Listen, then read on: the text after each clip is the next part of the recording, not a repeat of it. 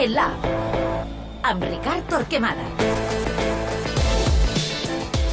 Ja sabeu que al programa, quan volem analitzar alguna cosa tàctica del futbol, doncs eh, tirem de l'expert. Ricard Torquemada, bona tarda. Bona tarda. No riguis. És que això d'expert sona una mica si, estrany. si no et vens tu, no sé qui, qui et vendrà. Sí. Tu. Per exemple, doncs el nostre expert, el Ricard Torquemada. Eh, Rakitic.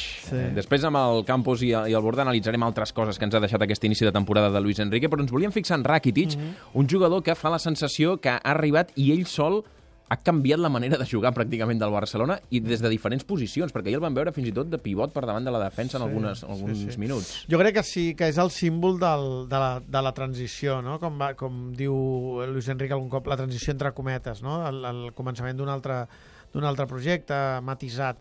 I, i es reforça la idea que Luis Enrique va triar Rakitic com el seu home. Que era, era, allò, la meva petició comença per aquest. Sí, la seva extensió del que ell volia transmetre per la importància que té el joc del Barça sempre al mig camp i pel que eh, pel canvi o pel matís que suposava la- l'arribada de Rakitic. I a mi m'ha sorprès molt positivament la capacitat per- d'integració, d'adaptació, de transformació de la idea a través de Rakitic sense traumes, eh, del que, de com està pesant en els partits, és a dir, no, no, no hi participa, sinó que els governa, eh, fa la sensació que la seva figura eh, s'imposa no? al desenvolupament del partit i la veritat és que hem de veure com evoluciona ho fem tot molt ràpid, eh, són gairebé, gairebé un mes de, és un gairebé un mes de temporada, però és sorprenent, sí. Mm. Algunes coses, per exemple, perquè Rakitic governi, segurament és imprescindible que no hi hagi Xavi, que és un altre migcampista que governa els partits amb un altre estil. sí. Potser si tots dos Sí. estiguessin eh, convivint a l'equip, hagués estat més difícil que Rakitic hagués fet aquest pas endavant. Sí, aquesta prova, no sé si a pretemporada va, van coincidir en algun moment, però en temporada oficial no, i tens raó que són dues maneres d'entendre d'entendre el pla, d'entendre la idea i que Iniesta s'adapta molt millor a tots dos, no? Eh, Iniesta té el punt d'equilibri que és, pot ser més vertical, eh, pot tenir més pausa eh, en els segons els moments, també llegeix molt bé el partit. Eh, tot, tot i això, Rakitic no ha vingut i ha fet jugar el Barça com juga ell. Eh? Ha trobat l'equilibri entre el que ell pot aportar i el respecte a la idea col·lectiva, que jo crec que això és el més important, el més interessant, l'equilibri que li ha donat. És evident pel que traçava, pel que dibuixava i per com entén el futbol Luis Enrique, que volia que els interiors fossin més verticals, que acceleressin més, que el joc no fos tan horitzontal, fos més vertical, tot el que ha mogut va en aquesta línia, els tres davanters per dintre obliguen a que l'equip sigui més vertical perquè no pot pensar en horitzontal, perquè no té jugadors oberts a les bandes de referència a la davantera.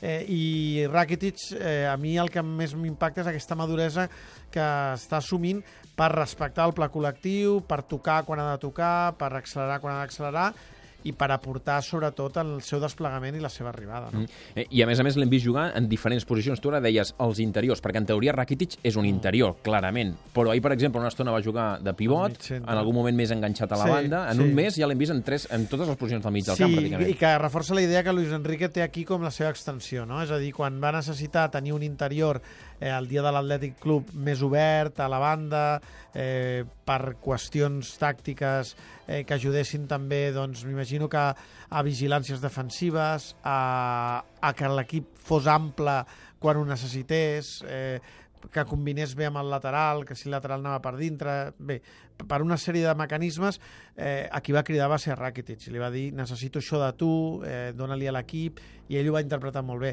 Quan ahir el Barça dona descans Busquets, i Marciano està jugant de central, Sant Pere és amb el segon equip, podria, podria haver reubicat perfectament a Xavi com a mig centre, perquè a més Mm. el Llevant estava amb un home menys i no I plantejava... moltes vegades, Xavi. Clar, i no plantejava dificultats defensives i en canvi qui tria és Rakitic perquè doni equilibri a l'equip i perquè Xavi i Iniesta se sentin una mica més còmodes per davant.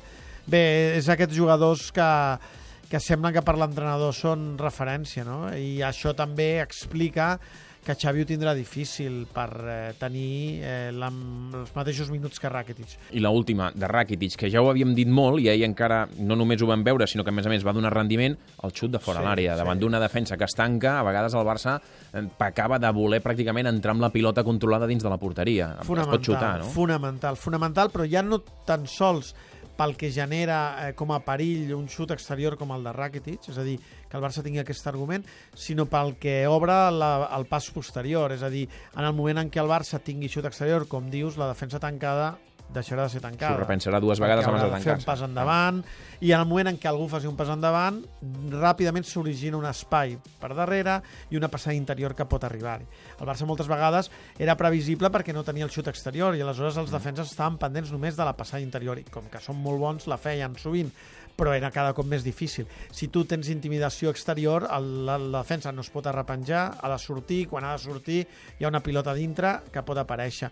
I al joc del Barça això és, un, és, és, és or pur, és, un- és petroli.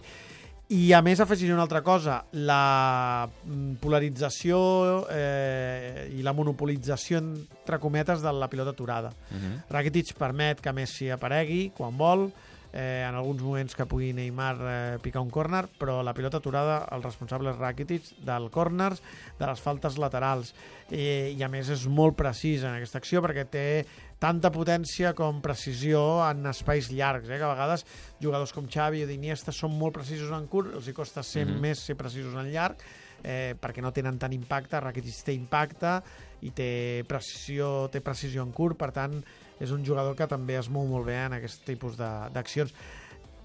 Per mi, ara mateix, el, el mes de setembre, èxit absolut, tot i que vull mantenir també un interrogant sobre la capacitat per ser regular a llarg termini, que és una cosa Tots els, que encara no totes les no lectures coneixem. que estem fent ara són molt precipitades, no hi ha hagut un partit de màxima exigència, eh? quan arribin els partits grans ja veurem si tot això funciona igual o no, però vaja, de moment estem traient conclusions en el primer mes i clarament entre els fitxatges el més indiscutible i el que a més a més ha donat més versatilitat, amb més posicions, amb més riquesa tàctica i que a més a més ha estat més fonamental per Luis Enrique ha estat Rakitic, és una de les coses de les que volem fixar-nos i avui Una, ara en repassem alguna perdona, em, pa, em passa una cosa similar al que em va passar amb Deco, que quan el van fitxar vaig pensar, eh, vols dir que, Què és el que necessitem? que és el que necessita el Barça? En el cas de Deco, perquè hi havia Xavi Iniesta i era un jugador que es movia molt bé entre línies i el, el Barça va descobrir un altre Deco o un Deco més complet, i en el cas de Rakitic perquè podia ser excessivament vertical i trencar el que era el, el, el joc del Barça, eh, no?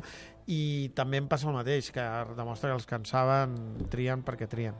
Fins i tot els experts són fal·libles, eh? Home, si no t'ho explico gaire. Ara ens fixem en més coses.